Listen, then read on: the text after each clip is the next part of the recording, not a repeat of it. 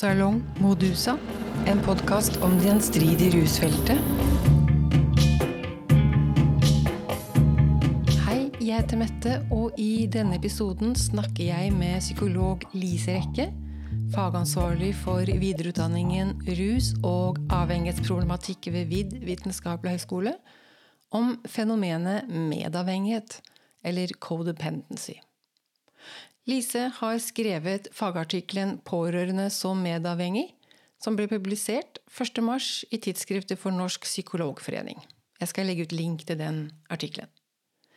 Medavhengighet er først og fremst en amerikansk sosial konstruksjon, konstruert under spesifikke kulturelle og historiske forhold, og da særlig på 80-tallet. Konstruksjonen medavhengighet tilbyr ikke bare bestemte måter en pårørende skal forstå seg selv på, men tilbyr også fagfolk et konsept som inneholder bestemte måter for hvordan man skal forstå en pårørende. Konstruksjonen er en fusjon mellom en tilpasset og utvidet versjon av alkohol, anonyme alkoholikers sykdomsmodell og mellom frigjørende populærpsykologisk selvhjelpskultur, humanistisk psykologi og ideen om en misbrukspersonlighet, men dette vil jeg komme tilbake til i en annen episode. Men jeg vil likevel kort forklare at AA legger til grunn at alkoholisme er en progressiv og kronisk sykdom, sykdom som man er maktesløs overfor, og at sykdommen er forårsaket av alkoholen i seg selv. Årsaken finnes inni hvert enkelt individ. Det hjelper derfor ikke å endre på omstendighetene. Tvert imot er det viktig at den avhengige får kjenne på sin misere slik at den kan komme til en erkjennelse av at det er en selv som er problemet, og at man er maktesløs overfor sin avhengighet. Uten en slik erkjennelse ingen mulighet til eller grunn for å endre seg. En medavhengig må på sin side erkjenne sin maktesløs overfor andre og sin trang til å kontrollere andre mennesker. For en medavhengigs atferd utsetter og forhindrer den andres mulighet til å erkjenne ens maktesløs, maktesløshet og behov for hjelp. Konstruksjonen medavhengighet tilbyr et nytt narrativ og en ny identitet som ikke nødvendigvis er knyttet til å være en pårørende for en avhengig person. Men altså mer om det en annen gang. Vær så god, her er Lise Rekke om medavhengighet. Lise, du har skrevet en eh, fagartikkel om medavhengighet. Som kom yeah. i Ja som vi skal snakke om i dag. Men kanskje du kan først uh, si litt om hvem du er? Jeg kjenner deg jo, men det er jo ikke alle som hører på.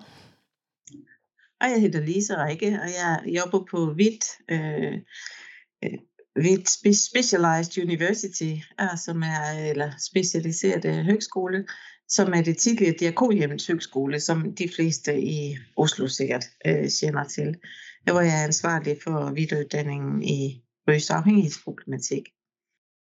Ja. Ja. Og du har jo befatta deg med rusfeltet i flere tiår. Ok, hele mitt liv. hele ditt liv, ja. ja. Men uh, altså, begrepet medavhengighet det er vel sånn først og fremst i selvhjelpslitteratur, men det har jo funnet veien inn også i behandling og et begrep hos psykologer og hos leger. Så det kunne vært eh, Og du har jo skrevet litt om eh, hvor dette begrepet kommer fra, og hvordan det har utviklet seg. Ja, vi kan jo først, øh, vi kan først tale litt om øh, hvorfor noen finner det øh, brukbart, det mm. der med medavhengighet. Altså medavhengighedsbegrebet øh, blir ofte brukt til pårørende, som, øh, som har en rusavhengig øh, tæt på. Og så siger man, at eller man har den øh, antakelse, at hvis man ikke sætter værk, vældig stærke grænser for vedkommende, hvis man hjælper den rysafhængige, øh, så, så på en måde så faciliterer man en fortsat øh, hvad hedder det, rysafhængighed hos pågældende. Så, så, så man har sådan et perspektiv på, når man siger medafhængig, så antager man, at, at hvis, hvis jeg er medafhængig, så støtter jeg ligesom den øh, problematiske adfærd hos den øh, rysafhængige.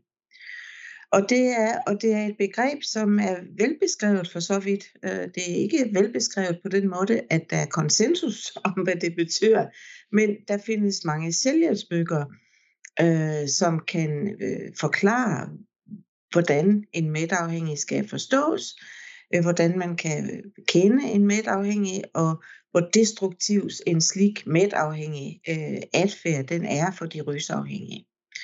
Og det er medvirkende til, at mange pårørende føler sig på en måde forstået.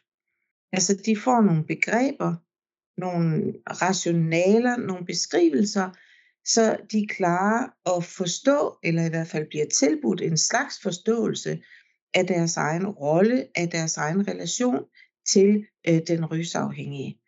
Og det kan, jo, det kan jo være en stor lettelse, fordi øh, mange pårørende er jo så ytslidte, så forvirrede, så øh, syge af at hele tiden at skulle forholde sig til en nærtståendes ofte kaotiske adfærd, uforudsigbarhed, øh, grænseoverskridende adfærd. Så det kan være en, på en måde en lettelse at få nogle begreber, som man kan begynde at tale om, og begynde at kan se og skønne og forstå øh, den type relation. Så det kan være en lettelse. Det kan også være en lettelse på den måde, at der jo findes særlige selvhjælpsgrupper inden for, for 12-trinsbevægelsen. Øh, vi kender AA og NA, og der findes altså grupper for øh, medafhængige også, øh, hvor man så kan finde ligesindede, og man har et fællesskab, som, øh, som man kan være sammen om, fordi man forstår sig selv på, på samme sæt, og fordi man bruger de samme begreber, øh, så får man også muligheder for at dele nogle erfaringer, som øh, andre kan genkende.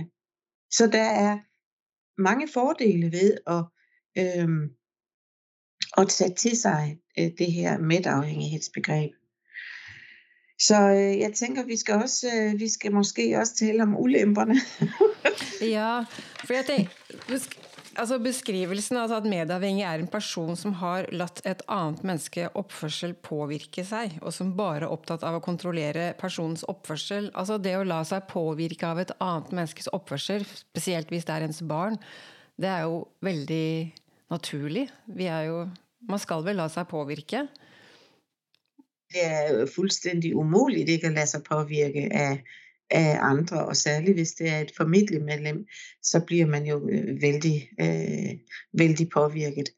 Øhm, så så øhm, altså denne her, denne her beskrivelse af medafhængighed, den rammer ind i noget, som, som er rigtigt. Og så, og så har den nogle forklaringer på, øh, på, på, på en adfærd og på nogle relationer, som bliver, som bliver fejle for de fleste. Men, men det kan være, at vi skal snakke lidt om først med det. Øh, hvordan, hvordan har det her begreb egentlig udviklet sig? Ja, ja, lad os gå til begyndelsen. Fordi da jeg begyndte at, at, at forske lidt i det og, og blive mere interesseret i, øh, i medafhængighedsbegrebet, der gik jeg først til, øh, til øh, Storburger, øh, AA sin Bibel, eller Blå Bog hedder den på, på dansk, og til øh, Basic Text, som er NR's øh, Basic Text, som er deres øh, grundbog, kan man sige. Og noget af det, som er overraskende, det er, at disse grundbøger slet ikke beskæftiger sig med midtafhængighed. De benævner det ikke i det hele taget. Øh, jeg, har ikke, jeg har ikke set efter i Basic Text, men AA for eksempel øh, nævner ikke medafhængighed og nævner ikke øh, det at nå sin bund. Det skal vi vende tilbage til. Så mange ting, hvor jeg i udgangspunktet tænkte, det her det er, det er en del af, af 12-trinsprogrammet af AHA eller NA, og det viser sig, det er det faktisk ikke. Nej, men, nej. Øh, men der har men, der, men, men som tiden er gået siden 1938, og hvor de første møder i AA startede, så har disse begreber udviklet sig og på en måde fået deres øh, eget liv. Øhm, den første, den første sådan pårørende øh, perspektiv, som vi ser i, i AA, det sker faktisk i, åh, i starten af 50-tallet, så vidt jeg husker, hvor øh, det er sådan, at hustruerne til de første AA-medlemmer, som alle var mænd, med ganske få undtag, men hustruerne, øh, de havde det fra starten, der havde de også fulgt med mændene til alle disse AA-møder. Øh, og da de så begynder at blive lukket, at de kun ville øh, have møder med, med, øh, med alkoholikeren, øh, så finder hustruerne sammen i et andet fællesskab, som de kalder for Al-Anon. Og de stifter Al-Anon øh, identisk med AA, det vil sige de, de samme 12 trin, de samme traditioner, øh, de samme øh, ritualer, de samme, øh, hvad hedder det, måder at være sammen på. Så det er faktisk en tro kopi af AA. Det interessante her, det er, at grunden til, at de, eller udgangspunktet for, at, at hustruerne øh, finder sammen i det her fællesskab, det er, at de oplever, at de har brug for øh, støtte fra hver andre, men de har også brug for, for, øh, øh for denne forbindelse til en højere magt, til Gud, som, øh, som jo ligger indbygget i 12-trinsprogrammet. Så der var i udgangspunktet ikke noget øh, om medafhængighed, eller noget med, hvad de skulle forholde sig, hvordan de skulle forholde sig. I den første bog, øh, som de udgiver, eller nogen udgiver, der, øh, øh, der bliver eller er det i den første udgave? Ah, ja, det tror jeg kan se. Men der bliver, der bliver alkoholikeren omtalt som øh, et sygt menneske, som skal have omsorg og støtte fra hustruen. Og det er jo lidt noget andet end, end det medafhængighedsbegreb, vi bliver præsenteret for i dag. Ja.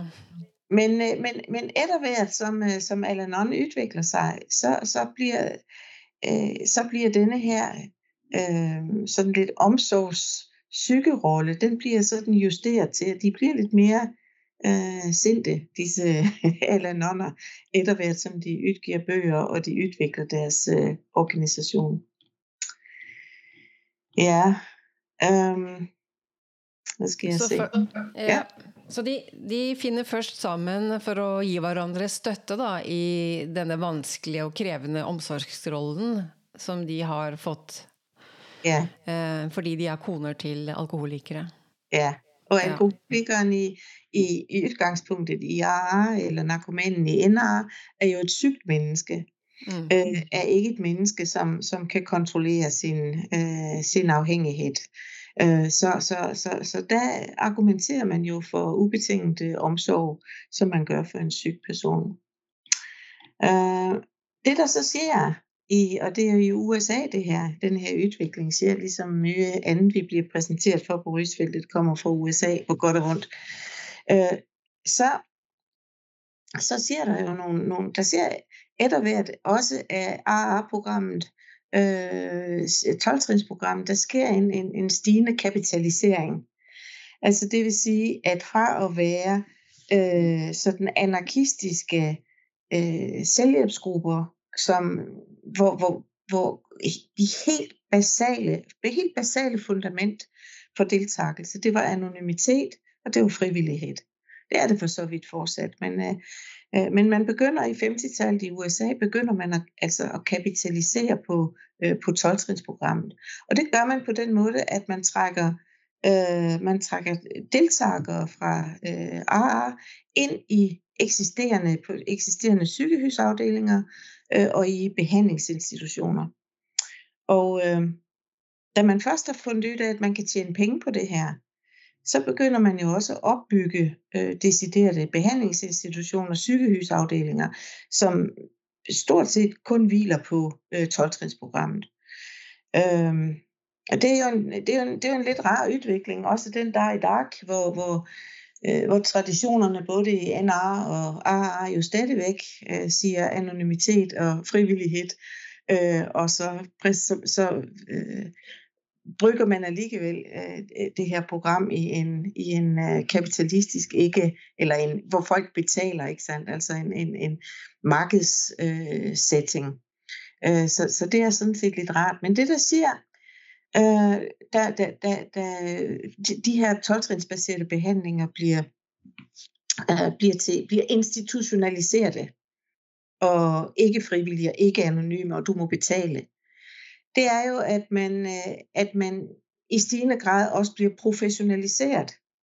Når man trækker psykologer ind, du trækker læger ind, du trækker øh, sygeplejer ind, altså du professionaliserer feltet. Og i 50-60-tallet, der udvikler psykoterapien sig øh, til, til sådan systemisk tænkning. Det betyder, at fra man tidligere, altså Freud han beskæftigede sig jo kun med, med, øh, med det enkelte individ. Øh, men den systemiske tænkning, psykologerne kommer med her, øh, der har man nogle teorier om, at familien, altså skal man skal se familien som et system, og, øh, og, og, og det her system, det påvirker så de enkelte familiemedlemmers medlemmers øh, adfærd. Så, øh, så, så der begynder man også at se øh, de her øh, rysproblemer som, øh, øh, som sådan små familiesystemer, og hvor man så tænker, at hvis vi regulerer øh, øh de pårørendes adfærd, så kan vi påvirke den, øh den rysafhængige adfærd. Øh, så der begynder vi altså ligesom at se øh, kimen til noget af det her med mætafhængighed. Øh, samtidig så ser der jo så også, og vi har jo i en tidligere podcast med det snakket lidt om, om, om terapeutisk samfund. Mm. Øh, fordi det der også siger i USA øh, i det her tidsrum, det er jo, at man, øh, at man får, man opfinder disse vældig, vældig konfronterende og nedbrydende øh, terapeutiske samfund for øh, rysafhængige. Det er først og fremmest øh, illegal øh, rys, man her adresserer. Men, men, men denne sådan vældig konfronterende, vældig, vældig øhm, øh, barske behandling, øh, som vi ofte kalder for, for øh, tough love, altså tøf kærlighed, ikke sandt? Den smitter ligesom af også øh, til, til, til, de, øh, til de her alkohol, alkoholbehandlinger, hvor man bliver inspireret af denne her øh, tøffe øh, tilgang. Øhm, og der siger så også det, at man i løbet af 60-70-tallet i USA får en, en får sådan en administrativ reform, øh, så det er fra at være offentlig behandling, så bliver behandlingen nu lagt ud i private institutioner, som må have fuldt belæg for at få økonomien til at gå rundt. Og øh, da man så samtidig også øh, ser, at de fleste øh, alkoholafhængige, de fleste rysafhængige, øh, ikke er så interesseret i behandling, øh, så udvikler man en, en, en øh, sådan en, en, hvad kan man sige, en reklamefremstød, øh, hvor man øh, henvender sig til de pårørende. Og, øh, og, og på det her systemiske grundlag og siger, øh, det her er en familiesygdom, og, øh, øh, og det er nu familiens opgave i et eller andet grad at motivere denne her behandlingsuvillige øh, rysafhængige til at gå i behandling. Så der får vi det, som, som i hvert fald i dansk tv har været vist, jeg ved ikke om det har været vist i Norge, vi får det, de her antagelser om interventioner, øh, hvor, hvor, øh, hvor familien skal konfrontere den rysafhængige og sige, enten går du i behandling, eller også så ser du os aldrig mere. Ikke sandt? Og det er jo formodentlig i nogle tilfælde endt med succes, og i nogle tilfælde endt i nogle forfærdelige tragedier, øh, disse øh, interventioner. Men samtidig med den her udvikling, siger jeg, så fastholder man jo øh, blikket på de pårørende som nogen, der trænger støtte og omsorg. Øh, og man får gradvis udviklet det her begreb øh, mætafhængighed fra først at, at være øh, betegnelse for, for alkoholiker, alkoholiker hustruen som øh, co-alkoholik, øh, så bliver det i løbet af 80-tallet af andre grunde, bliver det omdefineret til at hedde codependent. Og det er klart, at når vi, når vi skifter retorikken fra, at hustruen eller, eller barnene eller søskende, de bliver kaldt for co-alcoholics til at hedde co-dependence, så kan det her dependence-begreb, det kan i princippet, princippet hægtes på hvad som helst. Og det bliver det. Og op igennem 80-tallet, Øh, det er der jo øh, sikkert en del af andre gamle sjæringer som mig, som husker. Altså disse selvhjælps, øh, selvhjælpsbøger og kvinder, som elsker for mye og gør dig fri af andres misbrug, og øh, hvor det handlede om, at kvinder skulle øh, øh, frisætte sig, frigøre sig fra en traditionel omsorgsrolle øh, og forlade manden, hvis han ikke var omsorgsfuld, og, og, og hvis han ikke kunne øh, leve op til de forventninger, som, øh, som, som hustruen kunne kræve. Så der ser vi sådan, at det, at, at det her begreb mætafhængighed, altså det går fra at være sådan en, en alkoholiker hustru til at blive hele familien, som, som får en rolle i forhold til en rysafhængig, og til at faktisk at betegne øh, alle som i princippet alle, som har udøvet en omsorgsrolle, og hvor man ser, at, at vi starter med en alkoholiker hustru, så går vi over til at inddrage hele familien som en del af sådan et, et system, en systemforståelse. Øh, så går vi over til at at, at, det her, at det her, den her familie faktisk får sådan et, et behandlingsansvar, eller i hvert fald ansvar for at motivere øh, den rysafhængige. Øh, og til sidst, øh, så bliver det, denne her forståelse bliver lagt ud på, på, øh, på, på, i princippet på alle, som påtager sig en omsorgsrolle over for nogen, som øh, kan se, at man ikke synes fortjener det. Så det er en, en, en, en, en vældig øh, særlig udvikling. Øh, og, og, og det, som er interessant, det er jo også, at der i, i hele den her forståelse og i hele den her udvikling, jo også øh, udvikler sig nogle syn på den rysafhængige øh, som ligger indbygget i det her begreb. Altså hvis vi går, hvis vi, hvis vi går tilbage til, øh, til AA sin, øh, sit udgangspunkt, så er øh, vedkommende syg og skal have omsorg og hjælp. Og så udvikler det sig gratis til, eller gradvist til, at, øh, at, at vi må konfrontere, vi må nægte, vi må sætte grænser, fordi ellers så vil vedkommende ikke ændre sig der ligger indbygget sådan en forståelse af, at rusafhængige ændrer sig kun, når de når bunden, når de når en eller anden grad af opgivelse og overgiver sig øh, til behandlingen og til øh, en ny øh, livsstil, kan se. Det ligger indbygget i det her begreb øh, mætafhængighed. Så, så mætafhængighed er, altså er et begreb, som, som hvor, hvor der ligger en masse, en, en, der ligger mye sådan forståelser og antagelser for git. Øhm, og det interessante, det er jo, at, at denne her forestilling om at nå bunden, denne her forestilling om, at hvis ikke du øh, sætter de her grænser og øh, bliver vældig øh, sådan sort-hvidt, at enten så beslutter du at ryse dig, eller også så kan du ikke være her.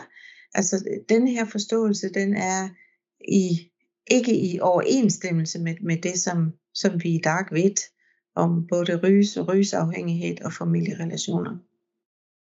Men det er jo en forestilling som lever i bedste velgående fortsatt.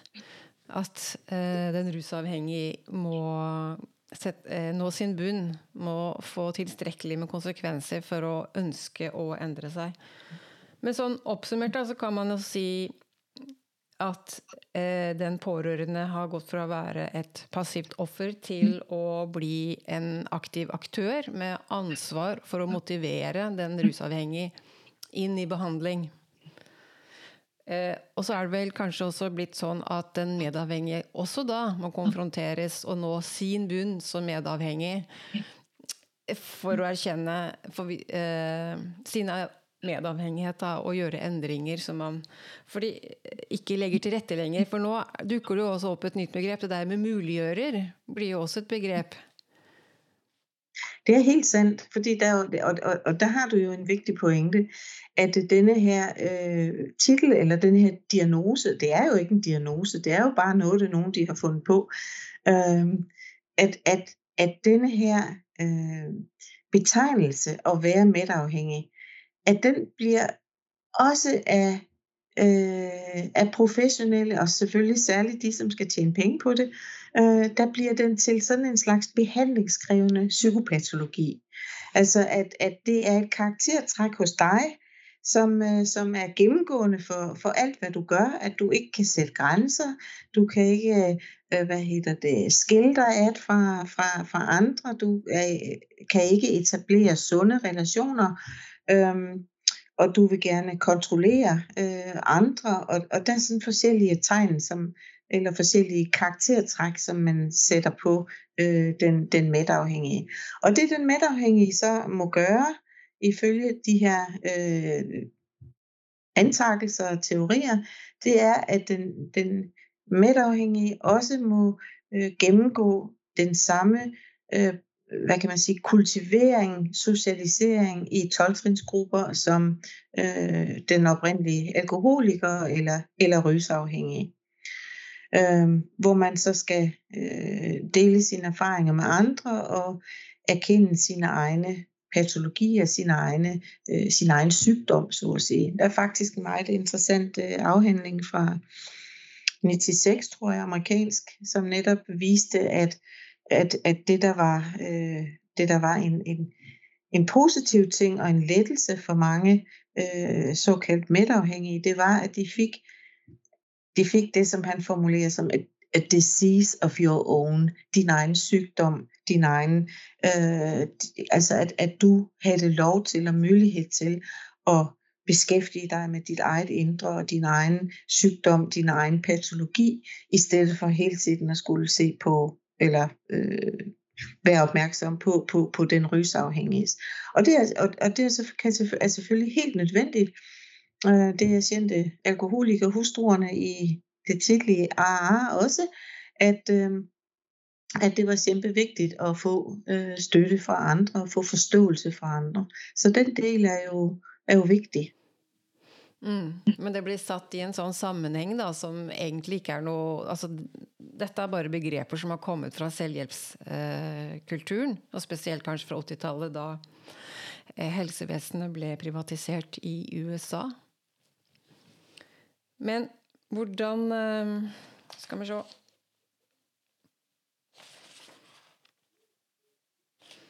For det som jeg kan eh, ha møtt litt på, det er jo og pårørende som er veldig redde for å gjøre noe feil. At hvis de støtter eller bidrar med noe, så er de jo kjemperedde for at nå har jeg utsatt mulighetene for å, å, gå i behandling og bli frisk, og jeg må jobbe med medavhengigheten min. Altså at det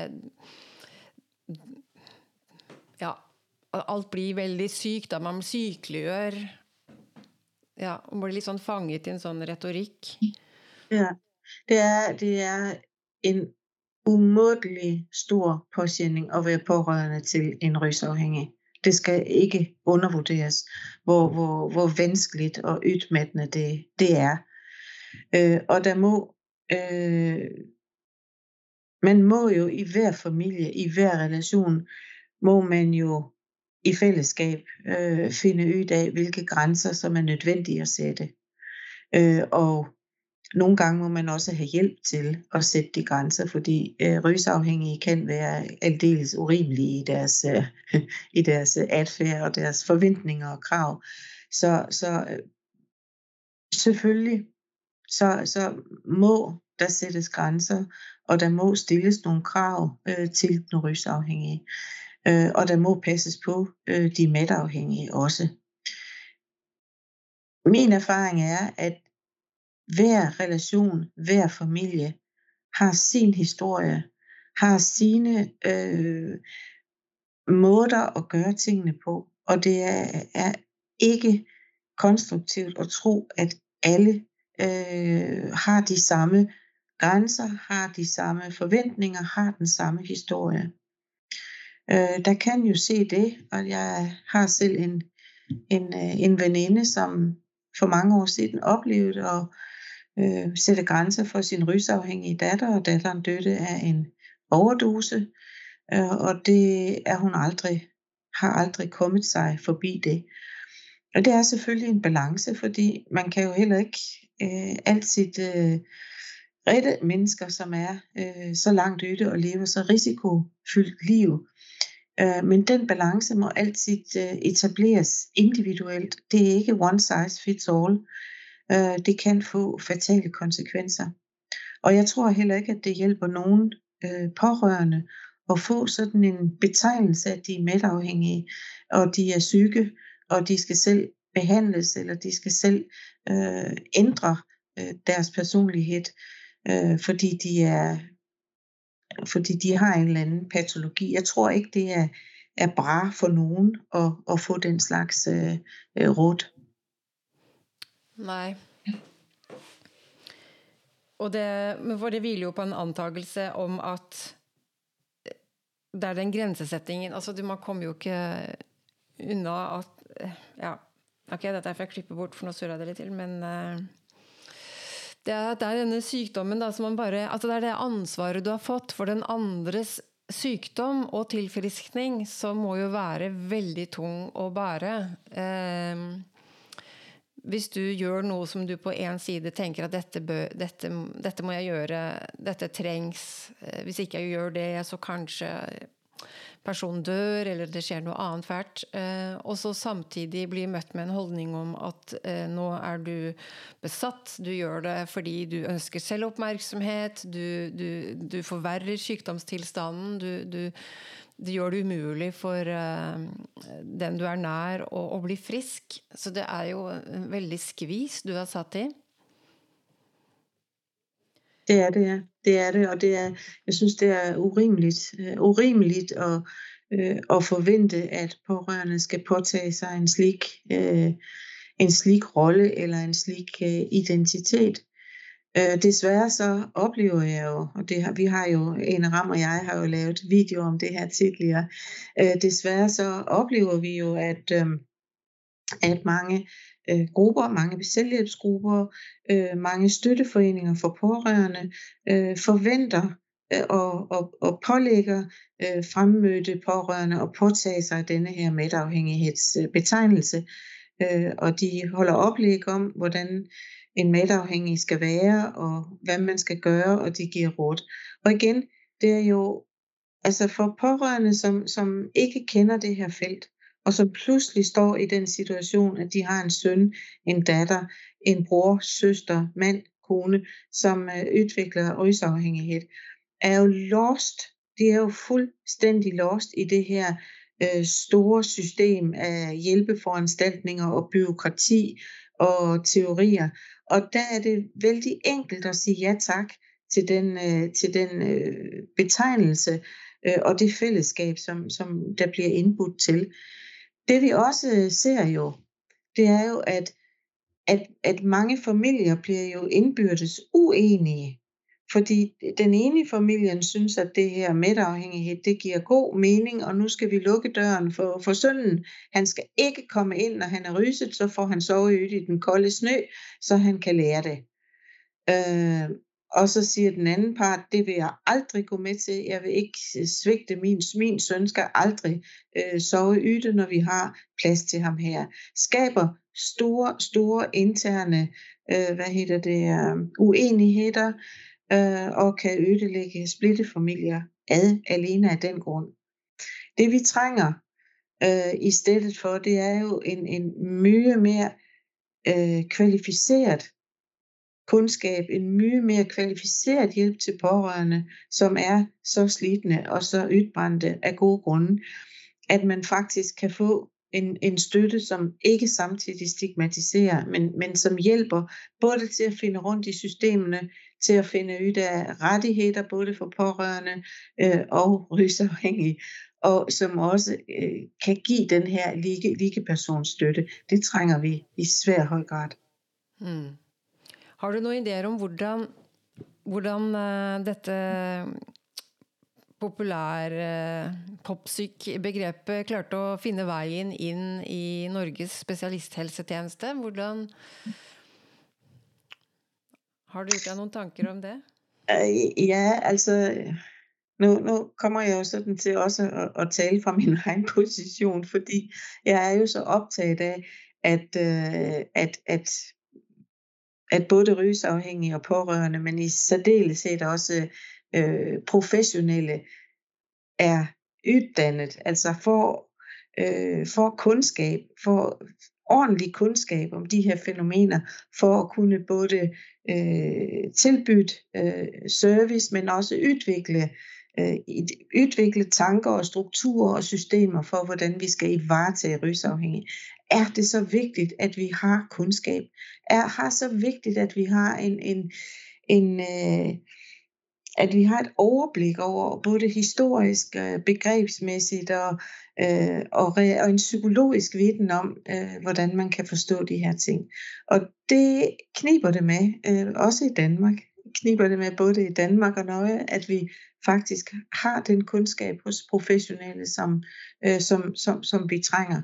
Og det gør jo, at når der så kommer øh, modeller, teorier, bøger med begreber, som ser enkle ud, som forklarer hele verden på en måde, som bliver sådan universelle, at, at det lytter vældig bra, og det lytter vældig enkelt, og så gør vi det, og så gør vi det. Så er det, det er vældig fristende i en travl hverdag at, at, at, at tage ind slike begreber og slike modeller. Øhm, problemet er bare, at det tager langt, det, det er langt, langt mere vanskeligt at rydde op i noget, som er etableret, er noget galt, som er etableret, end det er at, at skabe noget, som faktisk øh, er okay og bygger på, øh, bygger på, på, på mere konstruktive modeller. Mm. Men det var i hvert fall et helt klart skifte på, på 80-tallet, eller kanskje allerede på 60-tallet, da man gikk over til mer sånn humanistisk psykologi, og så på familien som system, og en endring av eh, helsetjenestene i USA. Altså mye kommer derifra. Mm. Det, ja, ja. Altså, mm. Det er der det kommer fra. Mest mm. af vores rysbehandling kommer fra USA på godt og rundt. Ja. ja. det er Tusen godt. takk. Fint. Ha det.